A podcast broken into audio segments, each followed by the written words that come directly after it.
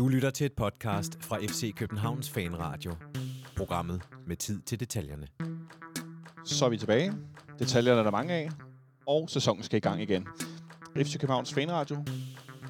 Sæson 2021. Jeg har glædet mig rigtig meget. Vi skal se, hvad der skal ske. Uh, her vi skal spille allerede på søndag over i Odense. Der er gået spillere ind og ud. Der er gået folk ind og ud fra træningsanlægget. Og jeg var til Insight den anden dag og alt muligt. Uh, så velkommen indenfor. Jeg har glædet mig sindssygt meget til, at vi skal i gang igen. Det føles som om, at vi lige har spillet i, i Tyskland mod Manchester United. Og det har vi jo nærmest også. Men øh, ja, jeg kunne godt have trængt til lidt, lidt længere sommerpause. Mit navn er som altid Jonas Folk. og Du kan altid finde FC Københavns Fanradio på Twitter, på øh, Facebook, på SoundCloud, hvor vores øh, udsendelser ligger. Det kan du også høre i øh, iTunes og Spotify, hvor det ellers ryger ud hen på RSS-feedet, som det hedder. Og så kan du også støtte os på tier.dk stadigvæk, hvor at, øh, du kan donere et beløb per udsendelse, som så bliver til et månedsabonnement. Hvis du vil vide mere om de her ting, så tjek, øh, tjek vores sider ud på nettet. Nu har jeg i hvert fald fået sagt det også. Jeg har i dag to gæster til sæsonens allerførste udsendelse. De sidder herovre for mig i fanklubbens lokale. Benjamin Dane, velkommen til dig, Benjamin. Har du haft en god, meget kort sommerpause? Mange tak. Øhm, og, øh, nu fik jeg heller ikke skruet op for lyden. Så er det også første udsendelse. Så er der lyd igennem. Prøv at sige det igen. Nu er der tændt for mig, forhåbentlig. Ja, ja. Øh, jamen tak. Og øh, ja, det har jeg. Øhm, jeg tror ikke, at øh, jeg synes, den har været for kort. Jeg glæder mig til, at øh, jeg snart kan få lov til at komme ind og se noget fodbold igen.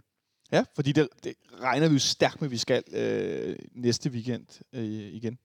Hvis ikke øh, der når at ske et eller andet drastisk inden, så ja. Ja, det må vi regne med. Og siden dig sidder øh, Samuel, og så skal jeg igen øve mig. Øh, hvad er det? Brask? Brask. Vi går ja. med Brask. Samuel Brask. Velkommen til, Samuel. Tak. Hvordan har din korte øh, fodbold-sommerpause været? Øh, den har været øh, en par re-eksamer. okay, men er du så i godt humør? øh, ja, ja. Jeg fik 10. Så det gik øh, super godt. Jamen, tillykke med det. Så, så, så, så jeg er rigtig glad. Så kan det være, at du senere kan få lov at være sensor, og så kan du give FC Københavns forløb i transfervindue en karakter. Hvad siger du til den? Ja. Ja, det kan ja. vi køre med. Der er jo stadigvæk, nu er det i dag den øh, 11. september. Øh, det er altid det vildt at sige den dato. Øh, og der er, en, der er lige under en måned til, at transfervinduet lukker, øh, hvilket i sig selv er ret vildt. Øh, men der kan nu ske rigtig mange ting.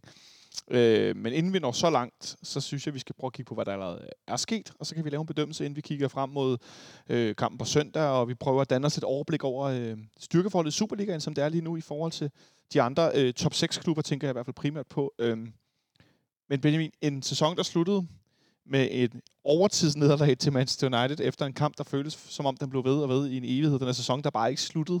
Øh, øhm, og siden nu har vi haft nogle nogle Nations, Nations League-kampe. Øh, Rasmus Fald spillede blandt andet for det danske landshold. Vi har haft nogle, nogle få træningskampe. Vi spillede en, en var-træningskamp mod Lønby den anden dag. Øhm, nu skal vi spille ja, lige pludselig øh, her mod OB på søndag. Og så er der, øh, altså, der er ikke sket så meget med vores spillertrup. Der er mere sket noget udenfor, det synes jeg, vi skal starte med at tale om. At vores, øh, vores tekniske direktør, Johan Lange, er blevet, kan vi kalde det, Shanghai, købt ud af Aston Villa intet mindre i, i England. Hvordan, øh, hvordan oplevede du umiddelbart det? Øh, ja, men jeg, jeg oplevede det, som jeg øh, et eller andet sted har indtryk af, at, at folk i klubben også oplevede det. Det lød som om, at det var gået meget stærkt øh, og kommet lidt ud af den blå luft. Og, øh, og, og det var jo også sådan, at det skete for mig. Jeg, jeg så det jo bare på FCK.dk og tænkte, at øh, det var en overraskelse, at at der alligevel var, var, var Premier League-klubber, der, øh, der øh, snuppede øh, sportsdirektører. Det er en ret stor stilling jo øh, i FC København, men, men det er jo det klap på skulderen, tænker jeg, til, øh, til det arbejde, der, øh, der er blevet gjort i, i FCK i, i efterhånden mange år. Ja, det, det er, øh, Benjamin er lidt inde på det, Samuel. Det, det må da være altså et kæmpe skulderklap til hele organisationen, at man kan øh, klæde folk på til at besidde så stor en stilling i så stor en klub. Ja, helt klart. Øh, jeg tror, der bliver holdt meget øje med øh, det arbejde, der bliver lavet i klubben, omkring klubben for andre i udlandet. Øh, som man også så med vores, hvad var han, sponsordirektør Alex Rasmussen, ja. som også røg til, til Milan. Det er sjovt at snakke om sådan nogle transfer, ikke? Nogle ja. øh, personaltransfer. Men jeg tror helt klart, der bliver kigget på, øh, hvordan man gør det, og den måde, som... Øh, scouting-systemet og øh, måden at tiltrække spillere og det ene og det andet foregår på. Øh, så det overrasker mig nok ikke, men, øh, men øh, jeg tror, at det svære så også bliver den med, når der så de får øje på de gode, så går det også stærkere, at man nok ikke kan forvente, får man nogle øh, talenter ind i, øh, i truppen, hvad kan man sige, omkring den, så ryger de måske også hurtigt videre. Ja, det kan man forestille sig. Øh, det blev så meldt ud, at man skulle søge efter en erstatning, og øh, op, arbejdsopgaverne blev fordelt lidt. Men vi har så senere hen her, faktisk øh, i, i denne her uge, må det vel næsten være, i forbindelse med et, øh, et spillerindkøb, øh, fik vi at vide, at Frederik Let, der tidligere var Chief of Scouting, og hvad er det, den hedder, den afdeling? Jeg kan næsten ikke... Øh, Chief of Scouting and Analysis, eller hvad pokker den hedder. Ja, han har stået for, han har, han har ledt scout-teamet, ikke? og så har han stået for, øhm, for det, de kalder den tekniske scouting, altså den, som er mere databaseret. Øh, han er simpelthen blevet forfremmet til, til teknisk direktør. Øh, en, en, en ung herre i, i slut 20'erne, det, det er da lidt af en, øh, lidt af en post. Øh, gør det der nervøs, Benjamin, at han ikke er ældre? Nej, ikke umiddelbart. Altså, jeg synes, det er vildt, at man kan lande sådan en stilling i, i så ung en alder, men, men han har jo også været i klubben en del år efterhånden. Øh, og øh, jeg, jeg regner med, at, øh, at, at når man får frem ham, så er det, fordi han har de kompetencer, der skal til, og så, og så skæver man ikke i øvrigt til hans alder. Men, men det er da godt gået af ham, synes jeg, at, at nå til så stor en stilling, som det jo trods alt er. Øh, og så være, øh, jeg tror først, der blev skrevet 27 år gammel i et eller andet medie, og så blev det rettet til 26, så det er ved 26 år, han er. Ja, det er ret vildt. Det er helt vildt. Øh, det er helt vildt. Jamen, det er det jo. Øh, men, men, men det er jo også det, øh, som der måske også lidt sker i klubben. Det er, mange af dem, der er ansatte og bliver ansatte, er også en del af klubbens øh, kultur, øh, som man også ser med målmandstrænere, øh, med Hjalte Vingård, som får stillinger. Øh, Nordstrand. Nordstrand. Øh, Rimer var her længe, kom op fra U19. Johan Lange var her også, da jeg var ungdomsspiller og kommet op og været ja. en del af det. Øh, at man, man fører den videre, og det kan sikkert skabe noget, måske noget meget stærkere, fordi man egentlig har nogen, som ved, hvad der forventes af, af alle, og ved egentlig, hvilken, øh, hvad kan man sige, rød tråd der er igennem fra ungdomsafdelingen til scouting til at hente spillere. Ja. Jamen, jeg, jeg synes jo umiddelbart, at det, er en, at det er en styrke, at man på den måde kan rekruttere til, til så store poster internt. Øhm, vi har gjort det en del. Man kan også se, at øh, FC Midtjylland gør det en del, når de skal finde nye trænere eller folk til, til positioner i staben. Altså det her med at, at opbygge en, en, en stærk kultur, øh, og så ligesom selv kunne uddanne folk op igennem det her system, i stedet for hele tiden at skulle hente folk øh, ind, ind udefra, som, som måske ikke kender mekanismerne i klubben så godt. Ulempen, hvis man ligesom skal, skal øh, fremføre det modsatte argument, vil jo så være, at jamen, får man så tilpas meget nyt input, men det tyder på i hvert fald fra, fra hvad man kan læse sig til om, øh, om Frederik Let og høre sig til i, i diverse podcast, hvor han har været nævnt, at, at han jo netop har taget den her tekniske del af scoutingen ligesom med sig og bragt det ind i klubben, og, og i høj grad været hvad kan man sige, øh, øh frontmand for at, at udvikle klubbens øh, hvad kan man sige, scouting-system på den måde. Så øh, det kan jo bare godt lade sig gøre at få lidt af begge verdener. Og omvendt, så har vi jo set en, der har været måske ikke en af klubbens største kulturbærere de sidste øh, nærmest 20 år, som er gået ud af klubben. Øh, Anders Storskov, som øh, her tidligere øh, i den mellemliggende periode, øh, de kan vel godt tillade mig at sige, som jeg blev afskedet øh, som, øh, som øh, fysisk træner. Det er vel ikke så forkert at sige, når man sådan stopper fra den ene dag til den anden. Øh, øh, hvad hedder det? Hvordan var din oplevelse af det, Samuel? Det var noget, der kom meget bag på mig, fordi vi har været kendt som som, øh, som en klub, der har haft de her øh, folk, der har været meget gennemgående i nogle af positioner, men også fordi de er hammerende dygtige. Ja, altså, øh, det er en svær ting. Altså, man kan sige, det var jo rigtig, øh, sådan den der, den rigtige øh, erhvervslivsmæssige afskedelse, ikke? Øh, øh, den helt klassiske, ikke? Øh, hvor at, øh, man, man lader det ligge i kortene. Men, men, men det, det bunder jo også i, at der har været nogle problemer, og, øh, og der, der er man så nok også i en så stor virksomhed, hvor at man kan sige, nu er det jo en børsnoteret virksomhed, hvor øh, en af de primære indtægter er køb og salg og spillere. Øh, og hvis der er nogle problemer der, som er signifikante, så er der jo også desværre også nogen, fordi det bliver drevet så godt og vældigt, så er der også nogen, der skal stå for skud og stå for ansvar for det, der ja. eventuelt er. Og så kan vi jo, vi ved jo ikke, hvad der sker bag dørene, og vi ved ikke, om det har været dårlige valg, eller om det har været samarbejde, eller om det har været en eller anden fælles tilgang om, at måske skulle man prøve noget nyt.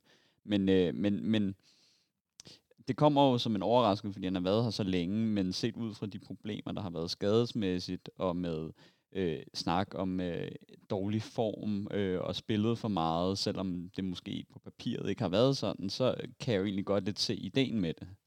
Jeg spurgte faktisk øh, Ståle om det på, øh, da jeg sad på D-tribunen i onsdags til det her FCK indsat øh, med hensyn til, hvordan det havde været for ham som sportslig leder at skulle afskede Anders Storskov. De har jo kendt hinanden i årvis, og han så helt forkert ud i ansigtet. Det var virkelig, det var tydeligt, det var ikke noget, han havde brudt om. Øh, men han talte, Ståle fortalte meget om, at det handlede om metodikken i, hvordan man tænker, altså fysisk træning, og hvordan man tænker restitution og sådan noget. Så, og han brugte meget tid på at prøve at forklare os, der nu sad der, at det handlede om, at man bevægede sig i en anden retning i filosofien i, hvordan man gør de her ting. Så, ja. så meget sådan en grundlæggende tanke i virkeligheden. Ja, jeg vil, jo, jeg vil anbefale alle at gå ind og høre øh, den del i hvert fald af, af den podcast, som er blevet lagt op fra, fra FCK Insight, for det, det, er, det er nogle interessante betragtninger, og øh, øh, nu, nu har man så øh, hentet nye folk ind, øh, Ben Rosen fra, fra Malmø, og, og der er jo efterhånden sådan en, en hel øh, britisk øh, enklave i, øh, i klubben, som... Øh, som forhåbentlig øh, bringer nogle friske input. Det synes jeg også, det er spændende. Nu har jeg glemt hans navn, men ham her, den anden englænder, man har hentet ind for Wolves øh, til, til den her analyserolle, og øh, lurer mig om ikke, at øh, nu har man slået yderligere to stillinger op. Øh, det, det skal der nok ende med at blive øh, mindst en britte, øh, Oi, mate. der kommer til at sætte sig på en af dem. Så det, det er spændende at se, hvad, hvad de bringer ind. De, de kommer jo med noget Premier League-erfaring, og, øh, og, og det synes jeg er spændende at, at, at se, hvad de kan tage med derfra. Ja, man må håbe, det kan, det kan løfte os i hvert fald. Øhm, jeg synes, vi skal gå videre til den lidt mere, øh, øh, hvad skal vi sige, det her er jo også sportsligt, men den, den sportslige del, som vi som fans måske kigger lidt mere på, netop det, der foregår ind på banen. Øhm, der startede vi jo ud med at øh, ikke forlænge med Darman Doyle i den her Manchester United-kamp, fordi det kunne ikke rigtig hænge sammen med økonomisk i forhold til, hvad han ønskede. Og så har vi jo talt lidt om, at vi hentede en angriber, som tidligere har spillet ude, på, ude i motorvejssammenflætning. Det ved jeg ikke, om vi behøver at, at så meget mere på lige nu, inden vi har spillet eller set ham spille. Øh, men vi har så her øh, i løbet af den sidste uges tid hentet en forsvarsspiller i AEK Athen. Øh, Marius Oikonomo, tror jeg, han hedder, øh, har jeg øvet mig på at sige. Jeg kan, godt, jeg kan huske, hvor dårlig jeg var til at sige Papa Giannopoulos første gang. Det var ja, jeg er ikke sikker på, at man udtaler øh, O'et først, gør man? Nej, men jeg har, jeg har, lavet mig, jeg har prøvet at lade mig fonetisk lære en, der kan lidt græsk, at det er noget med ø. Det var derfor, jeg var ude i det der ja. øj. Øh, men altså, ja, skal okay. vi ikke bare gå med at kalde ham Marius? Jo, det synes jeg. Øh, det tror jeg, vi går med. Øhm, en spillerhandel, Benjamin, der blev modtaget lidt lunken i fankredse. Du var heller ikke selv... Altså, det var ikke sådan, at du blev rundt med armene over hovedet hjemme. Nej, altså, jeg tror, at man skal se den her handel i, øh, i det perspektiv, at, øh, at alle jo har gået hele sommeren, og øh, hvis ikke øh, blot håbet, for nogens vedkommende måske endda også forventet, at øh, Mathias Sanka blev, øh, blev præsenteret som øh, den helt store og oplagte øh, forsvarsforstærkning, som, som ligesom skulle tømre det hele sammen dernede, efter at det så noget hullet ud i sidste sæson. Øh, det ser så ud til, i hvert fald for nu, at det øh, simpelthen er umuligt rent økonomisk, og, øh, og, og så har man så formentlig valgt at, øh, at gå lidt længere ned på listen, om det her så er, er nummer to, eller nummer tre, eller måske endda nummer fire. Det er ikke til at sige, men i hvert fald så har man, så har man hentet en, øh, en stopper, som øh, jo spillede i 18-19 fast for AEK Athen, øh, og så var en lille smule mere øh, ind og ud af holdet i, i sidste sæson, hvor at, øh, så vidt jeg husker, han startede omkring 20 kampe eller sådan noget ud af en øh, 30-35 mulige. Øh, min, min, jeg tror, min umiddelbare reaktion var jo nok mest bare, altså, hvem i alverden er det? Fordi jeg havde aldrig nogensinde hørt om manden før, øh, og, og, og blev sådan nødt til at tjekke op på det. Jeg kunne se, at han er skolet i Italien, og, og jeg havde egentlig ikke den store holdning til ham, før jeg så fik lov til at, øh, at, at, at se lidt til ham i den her kamp mod Lyngby. Øh, hvor han, øh, kan vi godt være ærlige sige, koster et mål til, øh, til, til 0-1, fordi man kan se, at han, nok er vant til at spille en lille smule mere mandsorienteret det i sit forsvarsspil. Han skubber ja. op i en situation, hvor det er helt tydeligt, at han skal blive i, øh, i sin kæde og i sin zone.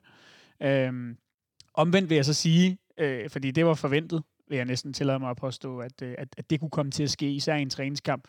Omvendt vil jeg sige, at jeg synes, han så, øh, han så enormt rolig ud med bolden, øh, skældte sig fornuftigt af med den, var ikke øh, kan man sige, var vant til at blive presset øh, af, af, af angriber og, og, og lod sig ikke gå på af det, og, og, og ligesom holdt hovedet koldt. Og øh, øh, hvis vi sammenligner med øh, den seneste, ikke helt græske, men alligevel lidt græske stopper, vi har haft herinde, så, så er det forfriskende at se en spiller, der ikke øh, går i panik, når han øh, har en, øh, en fodbold ved fødderne. Og så er han jo en, en, en køn mand. Han er en charmerende fyr, han taler engelsk. Hvor meget tror du, det betyder, at han rent sprogligt, måske også øh, kulturelt, er nem at integrere i truppen, at der ikke, han har ikke, i hvert fald ikke sprogbarriere foran sig? Øh, altså en kæmpe ting, øh, fordi at man ligesom kan integrere med resten af truppen øh, til at starte med, øh, at man ikke ender i en øh, i sådan en klikkedannelse, som øh, nogle af vores spanske spillere har gjort tidligere, eller der er noget hvor man øh, måske har svært ved at forstå eller få hjælp til noget, fordi man simpelthen ikke engang kan snakke engelsk.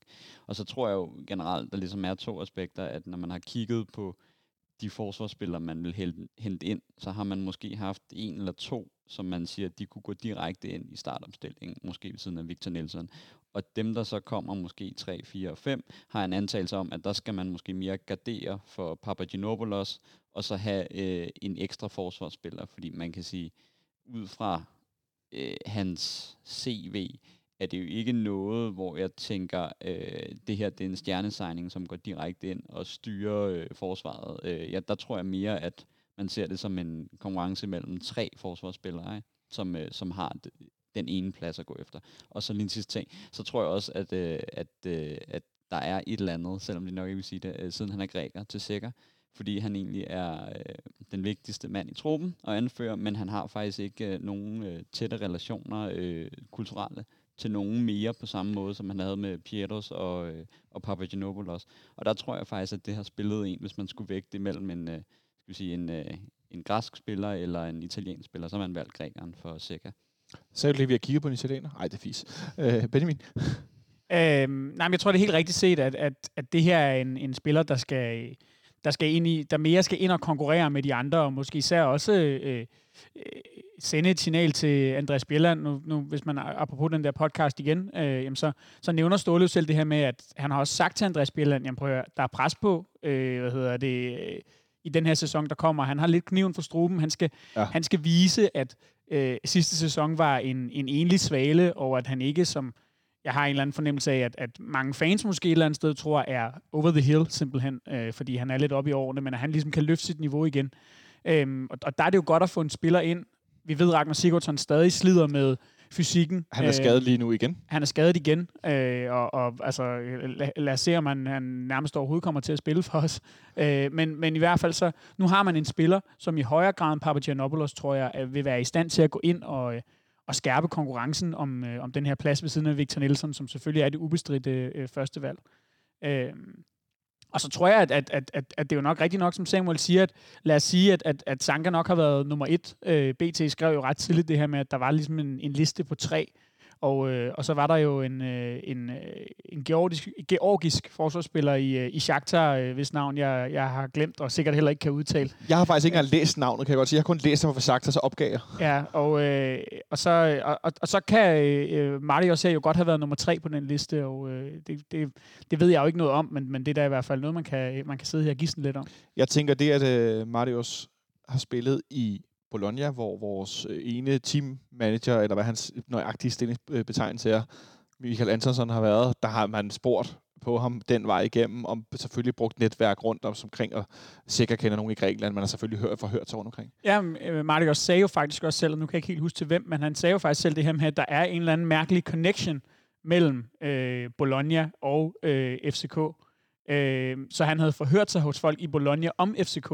Jeg ved ikke lige hvem, fordi det kom han ikke nærmere ind på, men, men der er et eller andet der, som, som han så har brugt i sin, i sin research, fortalte han. Jamen, der ved jeg jo blandt andet, altså ud over da Federico var der, så øh, var Ståles søn, hvis der også der med nede med ham, hvor han trænede med rigtigt, i klubben, ja. øh, fik lov til at træne med øh, en gang, da han var dernede, hvor Ståle også snakkede med deres sportschef.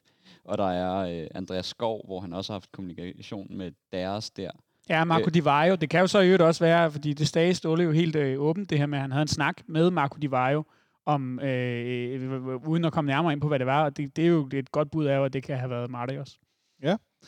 Ja, se, vi bliver, jeg, jeg bliver i hvert fald klogere. Jeg, jeg håber, at jer, der lytter med derude, også bliver klogere. Jeg synes kun, at jeg bliver klogere af de to øh, herrer herover for mig. Så vi har fået en angriber ind, og vi har fået en midterforsvar ind.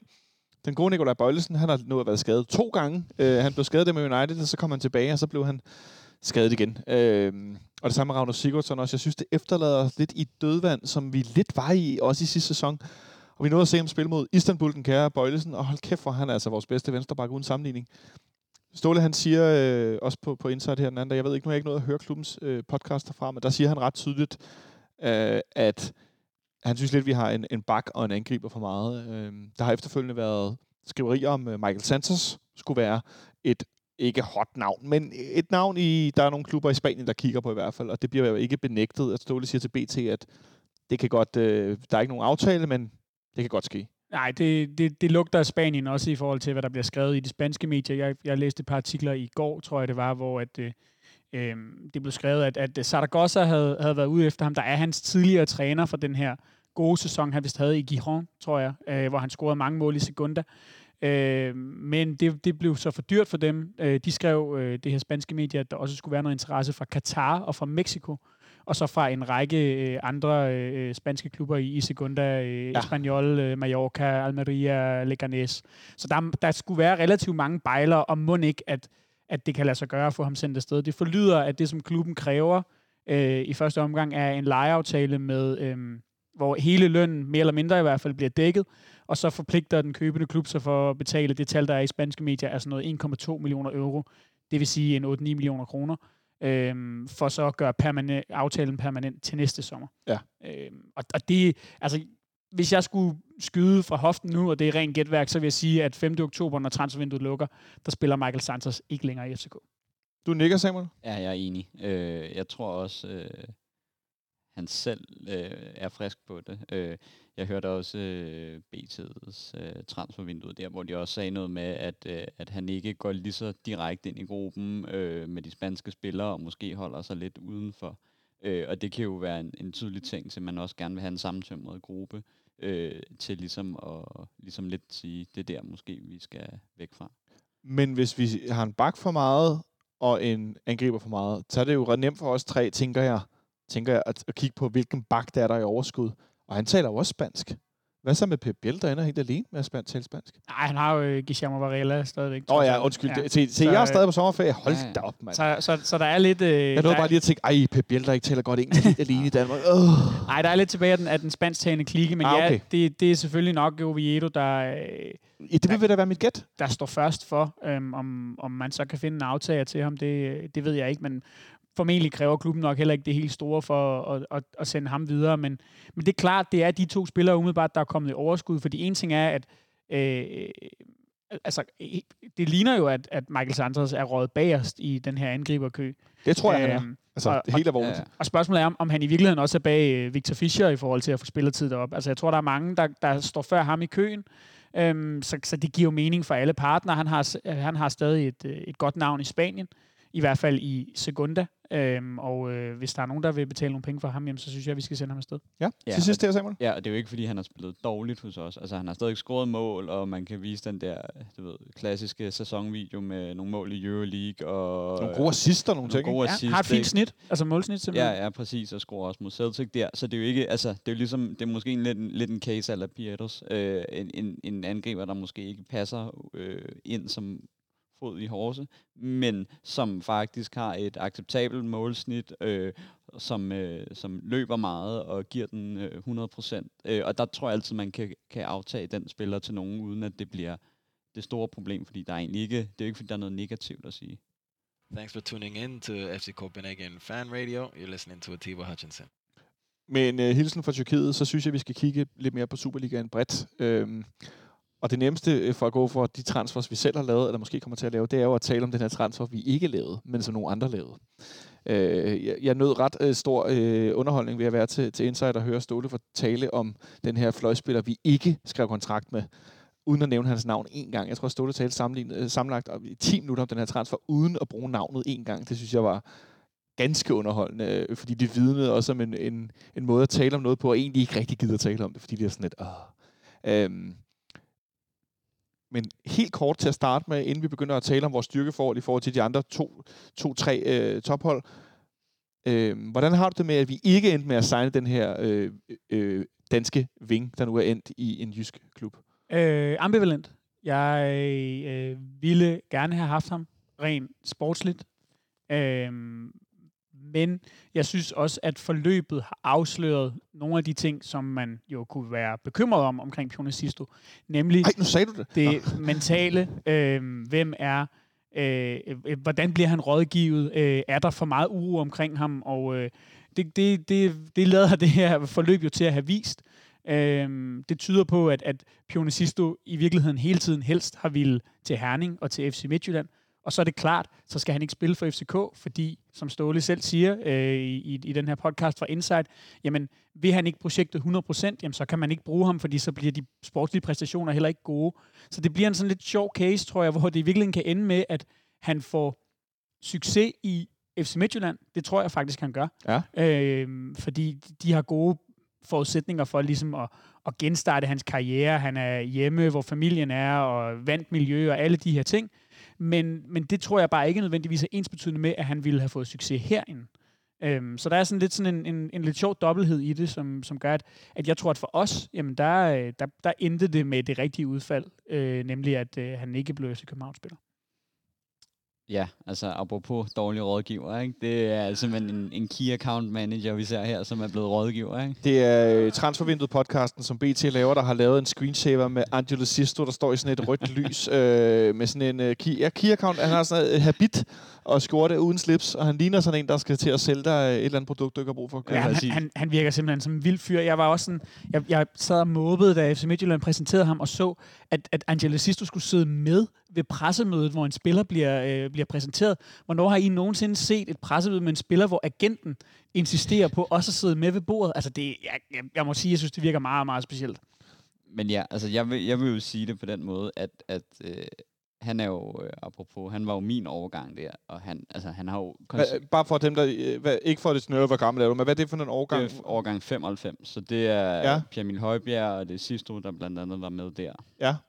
Øh, og han har jo konsekvent været øh, hammerne god, også igennem ungdomsårene. Øh, og jeg tror, at han brænder altså, ligaen af, når han kommer i gang.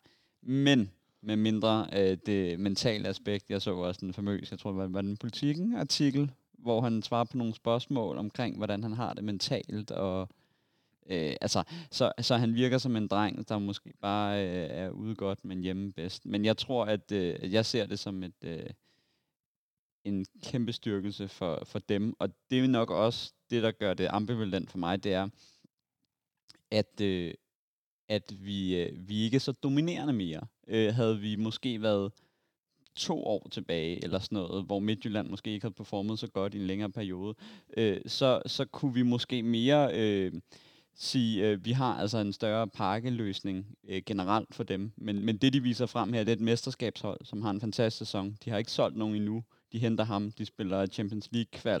Øh, vi har en dårlig sæson. Vi har ikke hentet nogen, der måske skulle brage ligaen af ind igen.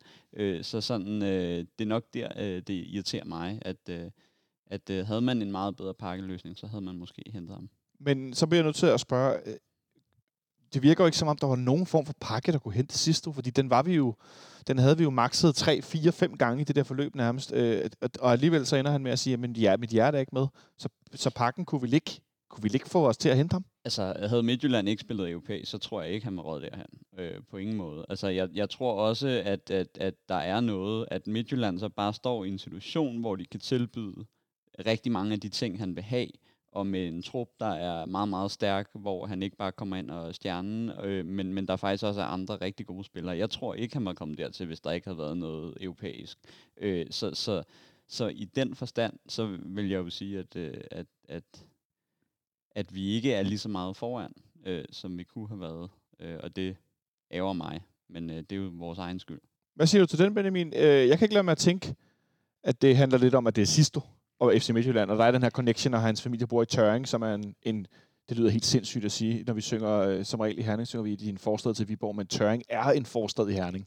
Øh, altså, at, jeg kan ikke lade mig at tænke, Nej, men det er en, altså jeg tror, det er et samsurium af, af flere ting. Altså det, jeg, jeg tror faktisk, at Samuel har ret så langt, at hvis ikke FC Midtjylland ligesom havde opnået den sportslige status, som klubben har, jamen så havde det slet ikke været interessant for Pionicisto i den situation, han er nu. Når de så er det, jamen så er det klart, at når han så samtidig øh, ligesom kan få det her trygge miljø, som han kender, øh, en, en klub, hvor han har været, siden han var ung, øh, familien tæt på, alle de her ting, jamen så kommer det jo selvfølgelig til at, øh, at tippe øh, hvad kan man sige, vægtskålen i, i FC Midtjyllands retning.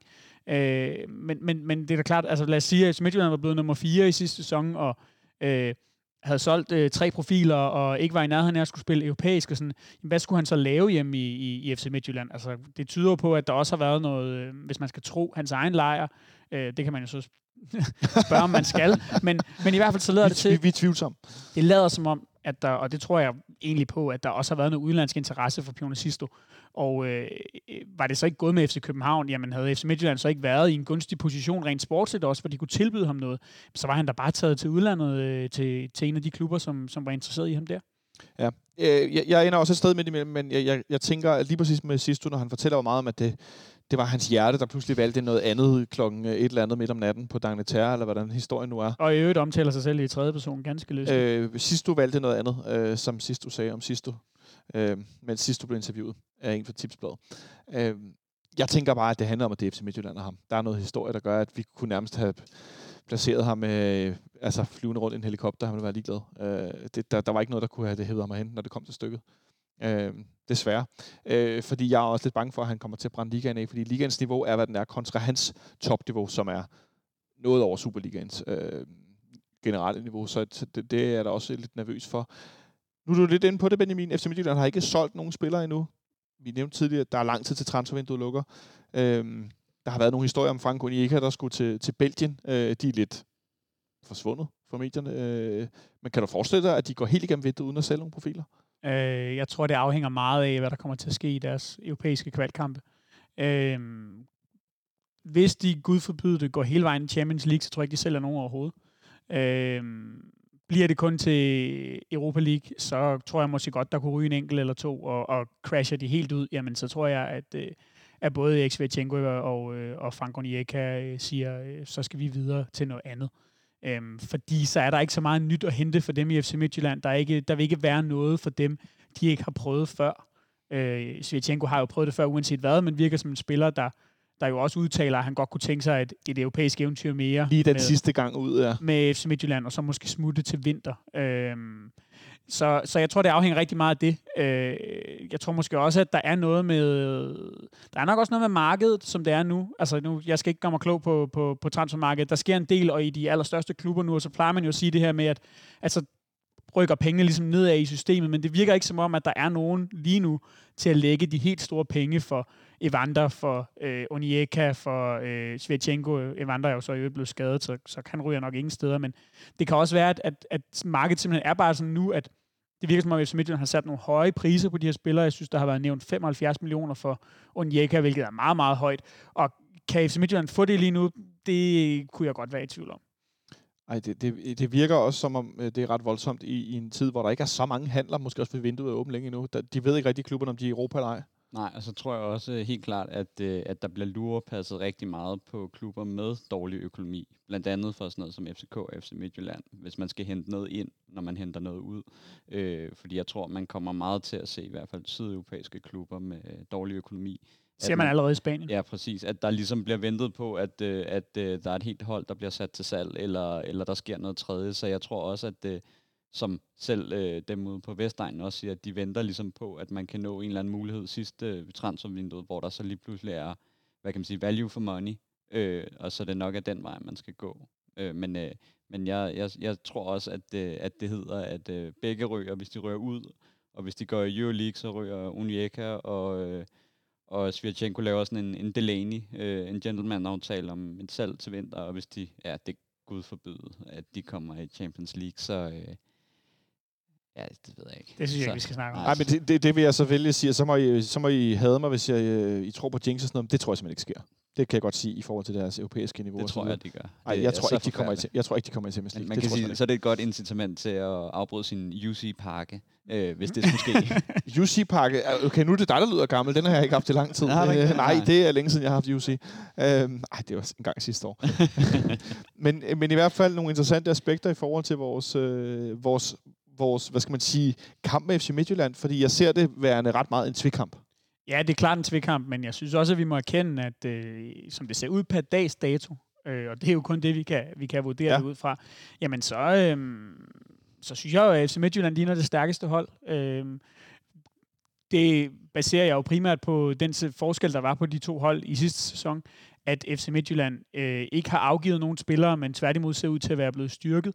De har også fået et par spillere tilbage øh, fra leje i øh, Krejf og i, i Plomado, som i hvert fald bedømt på den her øh, kvalkamp, de spillede nede i Bulgarien, ser ud til at skulle ind og spille en eller anden form øh, for, for rolle på det her FC Midtjylland-hold, så de har også fået styrket bredden.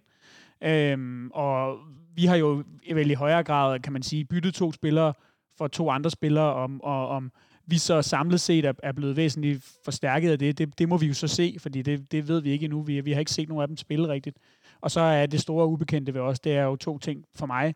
Øhm, de her spillere, vi har, som har haft tendens til skader, holder de i næste sæson, og de unge spillere, vi har, kommer de ligesom til at tage det her øh, næste step, som jeg er helt sikker på, at man i hvert fald i klubben forventer, at de kommer til at gøre. Ja, for det var nemlig det næste, jeg synes var interessant. Samuel, du markerede det først. Ja, det var egentlig bare for at sige, at jeg tror, øh, corona-tilstanden har været en, en positiv ting for Midtjylland, sådan sportsligt. Fordi det er jo egentlig sådan den klassiske hvad kan man sige, øh, toårsperiode, hvor holdet ryger, som vi også selv bøvler med, at når de topper og egentlig spiller en, øh, en Superliga-sæson til, til UG, så, øh, så ryger de bedste spillere også. Og der kan de ende med at stå i en situation, at de måske leverer deres bedste Superliga-sæson nogensinde, og så holder på alle deres spillere, og egentlig øh, måske, som med Sisto, også forstærker truppen.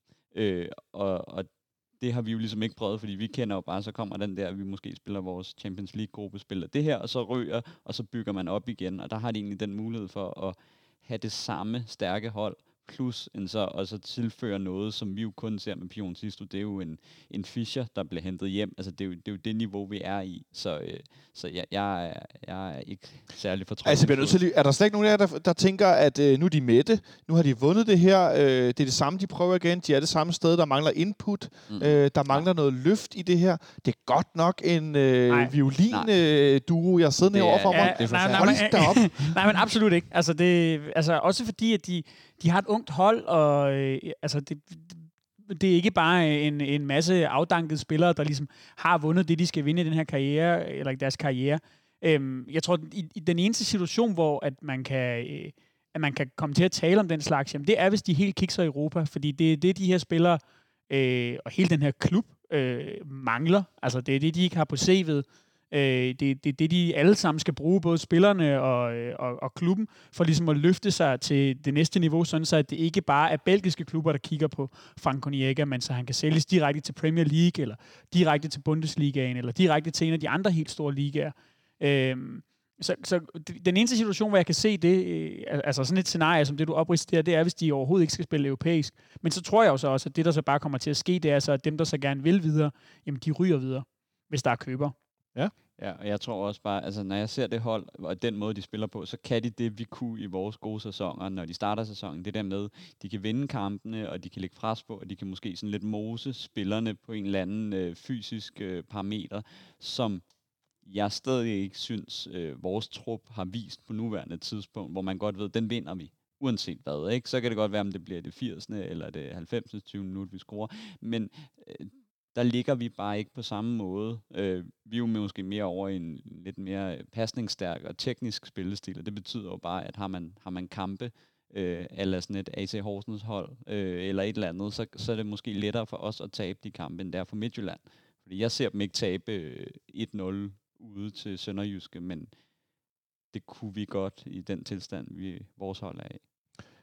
I får mig simpelthen ikke ned den der sump. Jeg beklager meget, dreng. Men øh, det, det, sker simpelthen ikke, ikke i dag. Øh, der skal, skal ske noget værre før det, hvor jeg røger derned.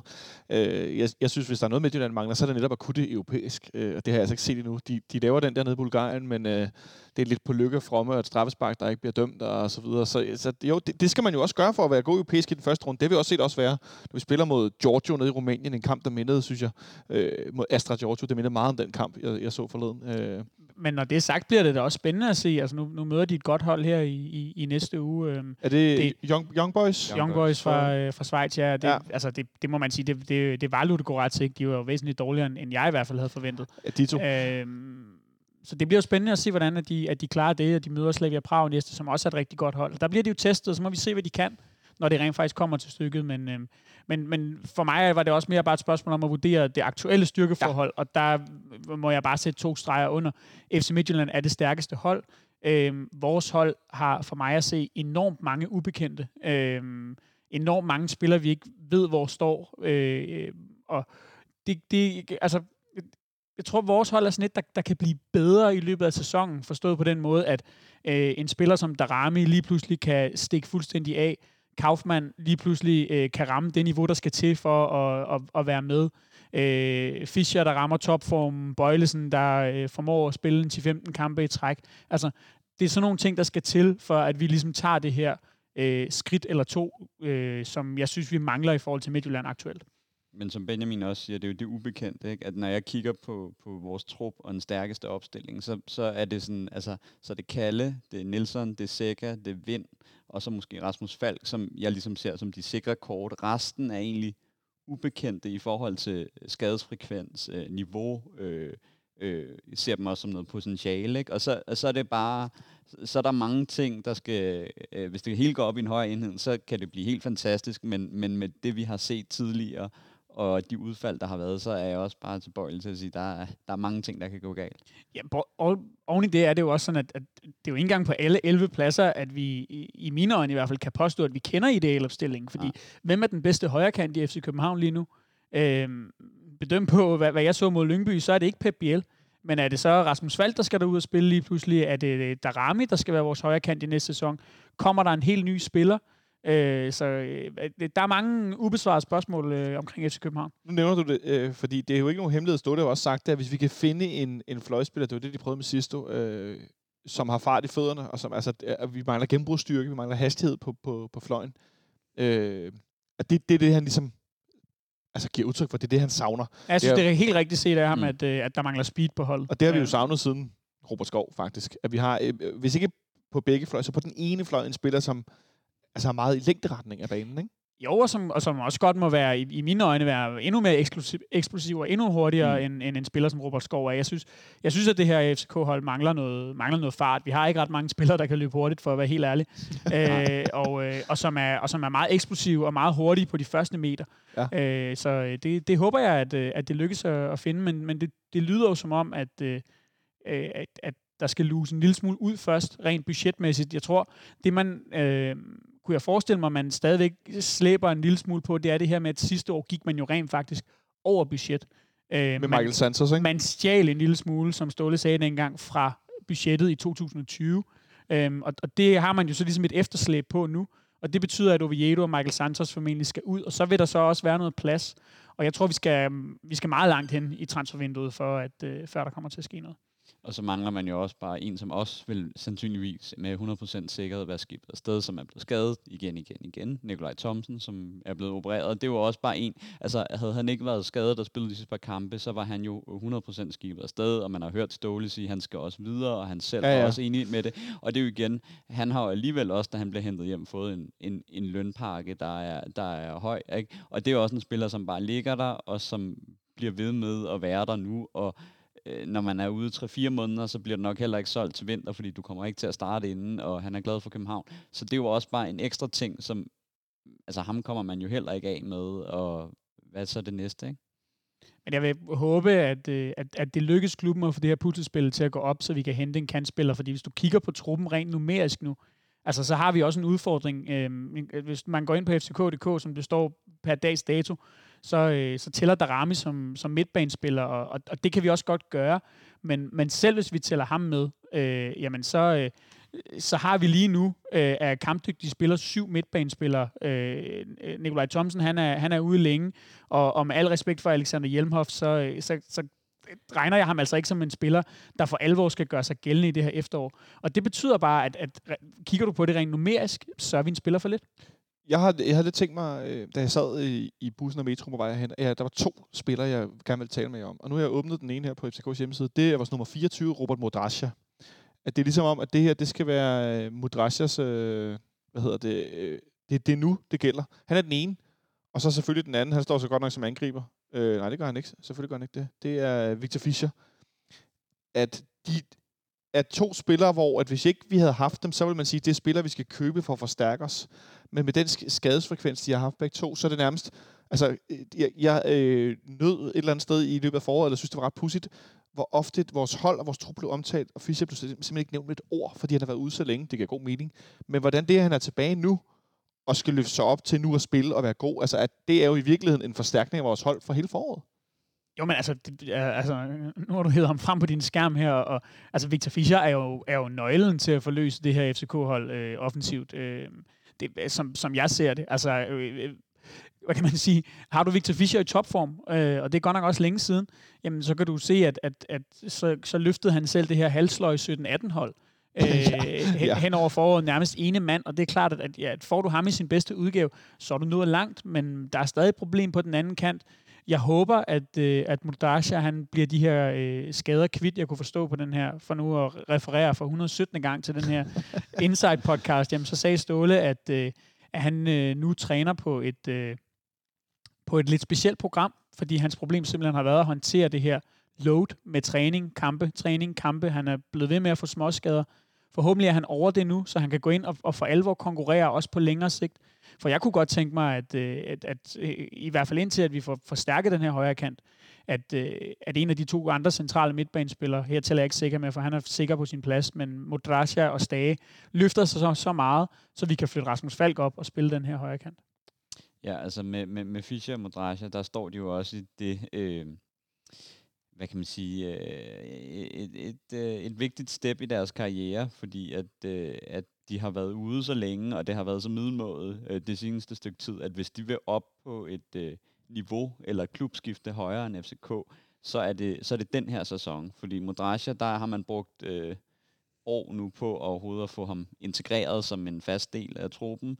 Øh, og hvis han ikke gør det, så vil, jeg, så vil jeg næsten tro, at han skal rebound tilbage til Kroatien. Og med Fischer, så tror jeg også, at, øh, at øh, altså, så, skal han, altså, så skal han til USA eller et eller andet, fordi for ham er det jo også et kæmpe nederlag at, øh, at se øh, det, der var tankerne til to-tre år her, og så til skyde sig sted øh, for en god sum penge til en stor klub det øh, er lige pludselig begyndt at gå en, øh, til den, den, den dimensionale modsætning til det, ikke? At, øh, at vi egentlig står lige nu her og er usikre på, øh, hvordan han kommer op, både øh, fysisk, men også øh, mentalt, øh, fordi man ved, at han er jo også en meget øh, selvkritisk mand. Ja, og kan han finde det her niveau igen, ja. ikke? For det er jo det er godt nok længe siden. Altså det er øh... december måned sidste år. Ja, ja. 1. december. 1. december. Jeg, jeg kan godt tilstå, som I sikkert har hørt mig tale om mange gange. Jeg ser de der højdepunkter nogle gange. Ja, men ja. det var men, men det var jo endda kun i glimt. Altså øh, hvis vi skal tilbage og finde det kontinuerligt, så skal vi ja, tilbage det, til det, det skal vi tilbage til, til efteråret 2018. Øh, øh, altså fordi han spillede et, et, et øh, udmærket forår efter at være kommet tilbage fra sin skade, men men han var jo slet ikke dominerende på samme måde som han var inden. Nej, der er langt tilbage. Øh, om han er dominerende i denne sæson, øh, om han overhovedet spiller på søndag, det kigger vi frem mod lige om et sekund. Der skal vi nemlig møde Odense Boldklub øh, i, i Odense øh, på udebane i den første runde. Øh, jeg, sidder, jeg har lige siddet og læst her, Carsten, øh, Carsten Hemmingsen er jo, jeg var lige ved at sige, Michael Hemmingsen, hans bror er jo blevet sportschef i, i OB.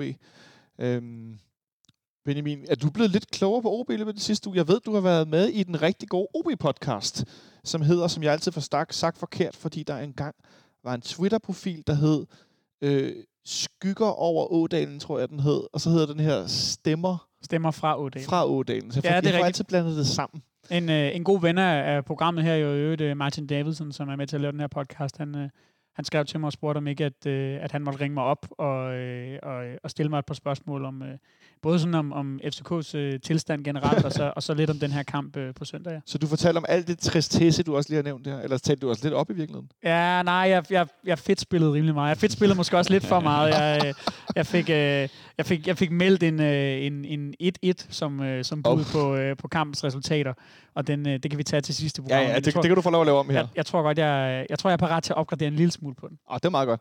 Men, men blev du klogere på OB i den her snak også, eller var det mest bare dig, der fik lov at tale om FC København?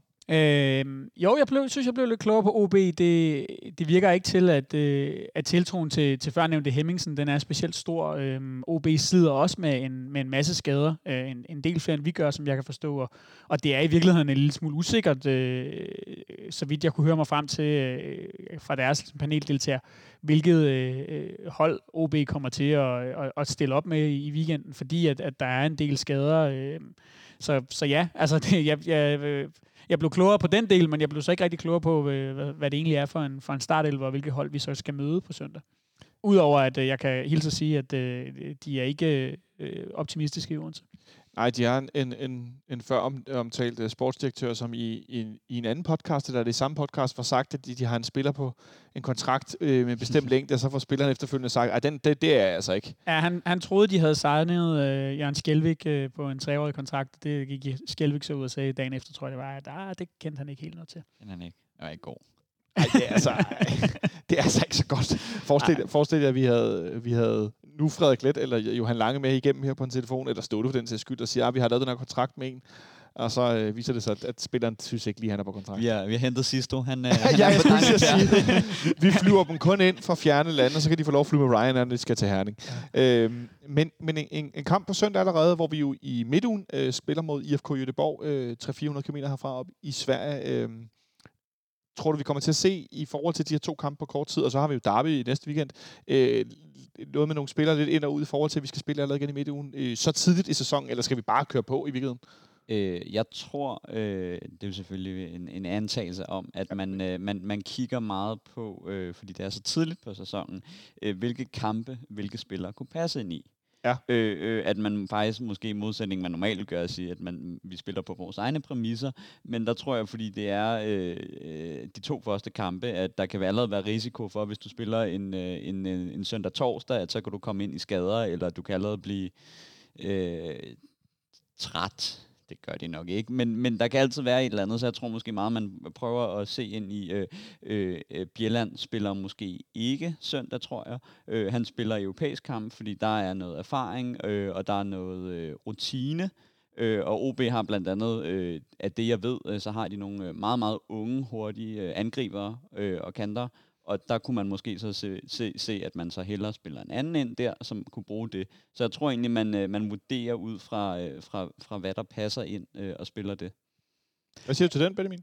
Altså, mm, jeg tror i hvert fald roligt, man kan regne med, at Andreas Spiller nok ikke spiller alle tre kampe.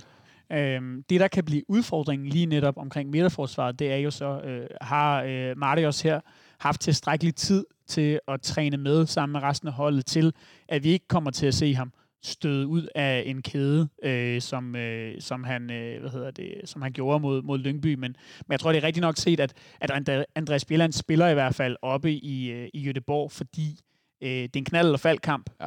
Øh, der er simpelthen ikke råd til at have en spiller med, som kan komme til at lave de her fejl, og det kan han jo et eller andet sted jo ikke sådan for alvor i hvert fald klandres for, når han ikke kender systemet endnu. Øh, det, det, det går bare ikke. Så jeg kunne også godt se for mig, at, øh, at man kommer til at rotere en, en lille smule på den måde, fordi vi har nok nogle spillere, som også især her i starten af sæsonen, for at passe en lille smule på dem, indtil de er totalt op i gear, øh, ikke, øh, ikke kan spille øh, tre kampe på, på en uge. Øh, det kunne også være Victor Fischer.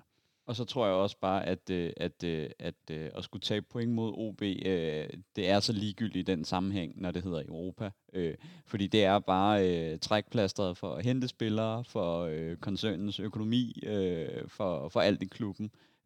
så, så der tror jeg også godt, man kan gå kom, på kompromis og sige, at vi burde have et så stærkt hold, at vi godt kunne have øh, måske øh, nummer 12 og 13 i truppen til at starte den mod OB, og så, øh, og så stille de stærkeste 11 mod, øh, mod Jødeborg.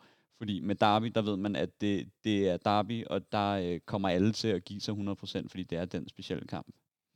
Men det er også en, øh, det er, en, det er jo også en balancegang i forhold til de enkelte spillere, forstået på den måde. Nu fik jeg selv lige nævnt Victor Fischer, men øh, øh, er han et sted nu, hvor at man skal passe på ham, fordi han har vist sig at være skrøbelig, eller er han i virkeligheden et sted, hvor han helst bare skal spille så mange kampe som muligt, for at komme i nærheden af den her kampform, som, som altså, hvor han så kan ramme sit niveau. Så, så jeg tror også, det bliver meget en individuel vurdering i forhold til de enkelte spillere. Hvor er de lige nu? Øh, hvad kan man sige? Hvor mærket er de af kort øh, sommerpause og et lidt lader det til intensiveret træningsload, fordi at vi træner fysisk på en anden måde, end vi har været vant til. Det har Ståle allerede nævnt flere gange, at det har man kunne se på nogle af spillerne. Øh, truppen har været samlet i kort tid. Det kan også komme til at spille ind. Øh, Altså, så, så, så der er mange ting, der, der ligesom, tror jeg, vil komme til at influere på den her holdudtagelse til, til de første par kampe.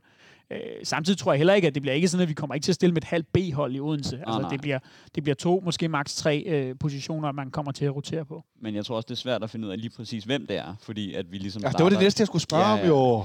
Ah, Jo. tænker du den ned, mand. Men skal vi, skal vi bytte? Ja, men når det er mere, du, du, du, det bliver svært at spørge, hvem det er, så kan jeg jo ikke spørge om det. Nej, nej, men, men, men det er jo nemlig det, fordi vi ikke vi ved ikke, hvad der sker, og der er egentlig så mange... Øhm, Altså, Vi kan ikke spå, eller hvad? ja, vi kan ikke spå, og der er så mange uforudsete ting, at man øh, spiller man med Fischer, er han klar? Øh, har Darami vist noget ekstraordinært til træning? Øh, føler man, at Kaufmann er klar til at stå på en stor scene? Hvad med forsvaret? Der har du øh, tre, som kan vælge imellem øh, at være sammen med Nielsen i forsvaret, ikke? Der bliver altså nødt til at sige, at den eneste, I ikke nævner, det er ham, vores nye angriber med nummer 9, som jo er i Superliga-sammenhæng en ret stor angriber og målscoring og sådan noget. Men I nævner ham simpelthen ikke med et ord. Er det bevidst, fordi I, I, I er på, på team, jeg bryder mig virkelig ikke om det, eller hvor er vi henne? Øh, Jeg tænker bare rent spillekvalif... Jeg tænker kun sportsligt, at hvis vi havde hentet alle mulige andre angriber på det niveau, så ville jeg talt om ham mange gange. Jamen, jeg tror bare, det er fordi, at jeg har en generel antagelse om, at han kommer til at starte inden. Øh, og med de, Okay. med de opstillinger, vi har spillet i træningskampene, og den måde i hvert fald FCK har visualiseret det, Ja. ja. så kan jeg ikke...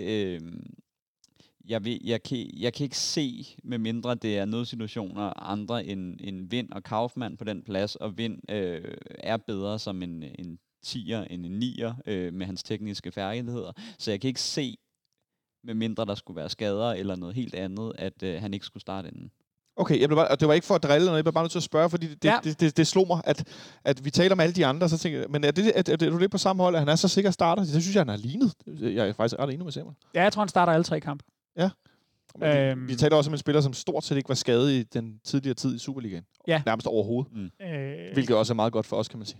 det, det, det kan man jo så mene om, hvad man vil, men det tror jeg er det, der kommer til at ske. Øh, så, så det tror jeg også, det er også en primær grund for mig til, at, at jeg ikke rigtig... Okay, så det var, det, var, det var ren nysgerrighed. Det var slet ikke for at skulle stikke med et Men langt krogepind i overfor eller noget. der- Det var bare for at finde ud af, der er mange ubekendte, men det er måske virkelig en, en ret bekendt. Ja, og så fordi man ved, hvad han kan. Og det, det han kan bidrage med, det er, øh, øh, som, som tidligere set, det er, at han kan score mål, og han kan placere sig det rigtige sted. Så man ved også, at, øh, at, at, at med et indlæg i overtiden, så er der stadigvæk en stor sandsynlighed for, at det er ham, der kan putte den ind, eller score øh, det underlige mål ind i, ind i boksen. Og der, vi, vi har ikke, altså Vind er en, en god fodboldspiller, men ikke på samme måde sådan en goalgetter, som han er. Så det er bare, øh, jeg, jeg ser ham heller ikke blive skiftet ud, fordi man ved, at øh, øh han er den eneste i truppen, som kontinuerligt kan score plus 20 mål i en sæson, hvor Vind måske vil ligge omkring de, de 10-15 med noget assist og noget øh, Ja. øh, tredje, tredje sidste berøring. Øh, og der, der har vi jo ikke nogen øh, alternativ til ham. Kaufmann er jo ikke en... Øh, Øh, ikke- Meget ufærdig ikke, spiller. ikke en Ja. proven goal scorer Nej. i hvert fald. Nej. Der er mange, der skal komme fra, som det ser ud lige nu, hvilket også leder mig tilbage til den her snak om Fischer. Der er mange spillere, der skal få os op på det antal mål, det ligesom kræver at gå i, i succesfuldt igennem en sæson. Øh, og det er vel også derfor, nu snakker vi om Michael Santos tidligere på vej ud og så videre, men det er vel også derfor, man holder så mange offensive spillere i spil i virkeligheden. Ja, absolut. Øhm, og, og så har vi jo ikke talt så meget om den spiller, som jeg i hvert fald på øh, den korte bane har øh, allerstørst forventninger til i FC København, og det er Rasmus Falk. Ja. Øh, og, og det er simpelthen et spørgsmål om, at, at øh, det var også det, der forlød fra, fra landsholdslejren, øh, at, at han ligesom rider videre på den her selvtillid, som de her øh, fuldstændig vilde kampe, han spillede øh, europæisk i slutningen af sæsonen, de ligesom har bygget op hos ham. Øh, han, han er i form, han kan ikke øh, have, han, han nåede ligesom at være kommet ud af det der modus endnu. Øh, og, og jeg har en klar forventning om, at øh, nu har vi ikke set ham her i opstarten jo rigtigt, men, men at han skal, øh, han skal bære vores offensiv simpelthen i de første kampe. Øhm, jeg, jeg, jeg mener, at det her bør være sæson, hvor at, øh, at Rasmus Falk viser, at det her niveau, han, han har vist i de her europæiske kampe, ikke bare er noget, han viser en gang imellem, men kan vise det kontinuerligt, så han, for nu at bruge et sådan efterhånden lidt for slidt udtryk, kan brænde ligaen af og blive solgt til næste sommer. Ja, Øh, og det er også, øh, han er også kommet i, øh, hvad kan man sige, den øh, tid, man har i FC København, som sådan en cyklus, at han er også lige pludselig er begyndt at blive en dominerende spiller, som faktisk også øh, øh, snakker, øh, kommunikerer, tager ansvar, øh, fordi øh, kvæg han har været så lang tid i klubben, han er jo vel den, der har været her til nærmest længst tid, ikke? Det er han faktisk. Den, Ja. ja. den, der har været i, i hvert fald i et stræk. Ja. Har han Ja. ja. været, ja, Per Bengtsson har samlet været længere. Er det sådan, der?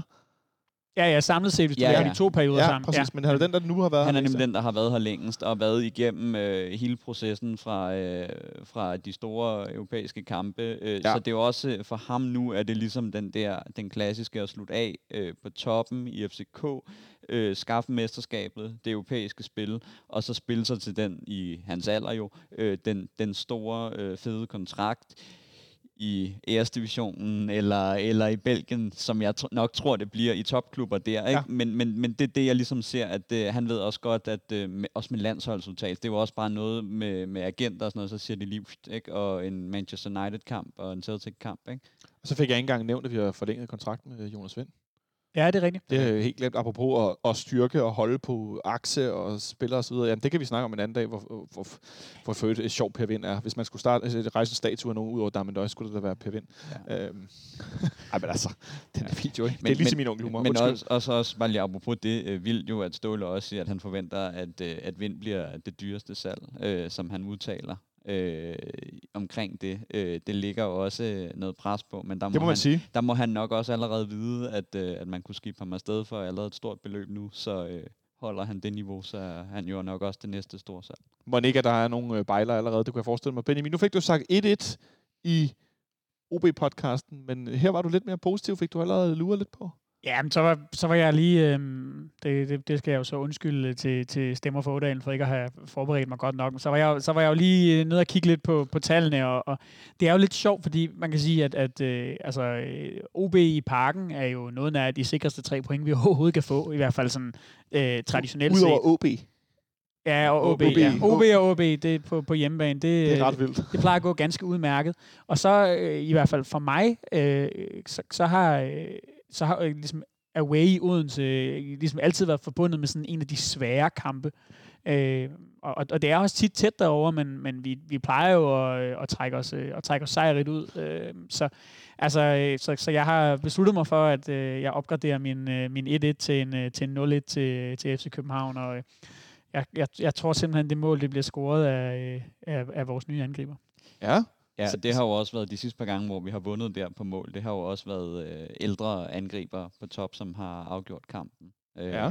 Så, øh, men det er godt, det er fedt med sådan en dobbeltgardering, du gør der. Det skal man også prøve. Måske være med i tre podcasts. Og så, øh, altså bare melde tre forskellige to. resultater. Ja, ja, Du det. kan bare smide kortene til alle sider.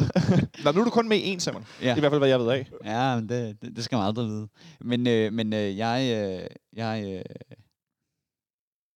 jeg Ej. tror, at øh, jeg har en eller anden antagelse om, at vi taber. Øh, Nå. sådan eller Horsens kampen der. For, Ja, den der coronakamp mod Horsens herinde. nej, den, den første, vi spiller på hjemme. Hvad var Ja, i det? Hvor 2018. Fischers brænder straffe, den og vi der kamp. taber Ja. 2-1. Og Og, Rasmus Falk i øvrigt score Ja, på hovedet. på hovedet. Ja, på hovedet. Altså, et meget langt udhovedstød. Så det, du siger Så er... det, jeg siger, det er, det er det, jeg tror. Men, øh, men, øh, men så ved jeg, at øh, det bliver ligesom, det kommer ikke til at ske, så vi vinder 3-0. Så røg du over i den grøft. Jeg har jo den fordel, at jeg er både vært og tekniker i dag. Så jeg ved ikke, om jeg har to gæt. Ej, Nej, du har kun ikke. Ej, jeg har kun et gæt. Jeg tror, vi vinder 2-1. Jeg tror ikke, vi kan holde øh, nullet, som I begge to tror på. Det, det tror jeg sgu ikke, vi kan. Men jeg tror godt, at vi kan vinde 2-1. Øh, og jeg tror, det kommer rigtig meget ind på, hvor højt vores bagkæde står. Også i forhold til den her Bjelland-problematik. Øh, Jeg synes, kampen mod Istanbul og kampen mod Man- Manchester United viste, at når vi ikke står så højt med vores bagkæde, så stiger Bjellands øh, spilniveau altså 20 procent. Altså i, hvordan han præsterer. Når han ikke skal stå højt og have de her mange hvor han skal vende som en færge øh, i havnen, der skal løbe øh, tilbage mod eget mål. Når han står længere tilbage på banen, så ser han altså bare mærkbart bedre ud. Og jeg ved godt, han lavede et straffespark, der måske ikke var der så videre mod United, men jeg synes bare, han ser bedre ud. Så vi, det kommer an på, hvordan vi står på banen, om han spiller eller ej. Det er meget afgørende for, om vi holder øh, nullet eller ej. Nu bød I begge to ind, så selvom Jamen, vi jeg vil skulle til at bare lukke gerne ned. lige hurtigt ændre mit bud. Øh, jeg bruger fanger ikke, vel? Øh, 3-1. Fordi 3-1, at, det- okay. At, øh, det er jo faktisk det eneste, jeg ikke kan se, vi gør. Det må faktisk at holde rent bur. Ja, okay. Ja. ja. sidste ting, Benjamin. Jamen bare, at jeg, øh, jeg, jeg glæder mig lidt til at se øh, det taktiske udtryk i Odense i de første kampe her i det hele taget, fordi at, øh, øh, det, det virker lidt som om, at, øh, at, at det her, øh, hvad kan man sige, øh, øh, lille grafiske trick, de har lavet, når de, når de præsenterer øh, startopstillingen øh, øh, i en sådan en 4-2-3-1, Ja. Øhm, ud fra hvad der ligesom bliver sagt rundt omkring, og, og igen Ståle, og igen podcasten, og lyt nu til den, fordi øh, der er virkelig meget godt at hente. Der, der, der bliver der også nævnt en lille smule det her med, at, at det er lidt mere med enlige angriber, og det er måske noget med, at, at fløjene har en lille smule højere udgangspunkt i, i banen. Øh, Victor Fischer har, siger det også i et, øh, sjældent øh, sådan skrevet interview på, med øh, Copenhagen Sundays, øh, hvor, hvor, hvor han også snakker lidt om det her med at have en, at kanterne er blevet flyttet op i en lidt mere offensiv rolle. Og jeg, jeg er lidt spændt på at se, hvordan det, det, det kommer til at se ud, fordi ellers så har meldingen jo fra klubben tit før han været det der med, jamen det kan godt være, at vi stiller op i en 4-4-2, men når ja, vi så ja. spiller offensivt, så ligner det mere en 4-2-3-1 og sådan noget. Men det virker alligevel til, at man har, man har lavet en eller anden form for justering her, som jeg så bare ikke helt er klar over, hvad er endnu. Nej, altså så, som jeg ser det så, og som klubben har bygget op, det er, at man, man stort set altid forsvarer i en 4-4-2. Øh, øh, men ofte, når man så spiller offensivt, så rokerer man rundt.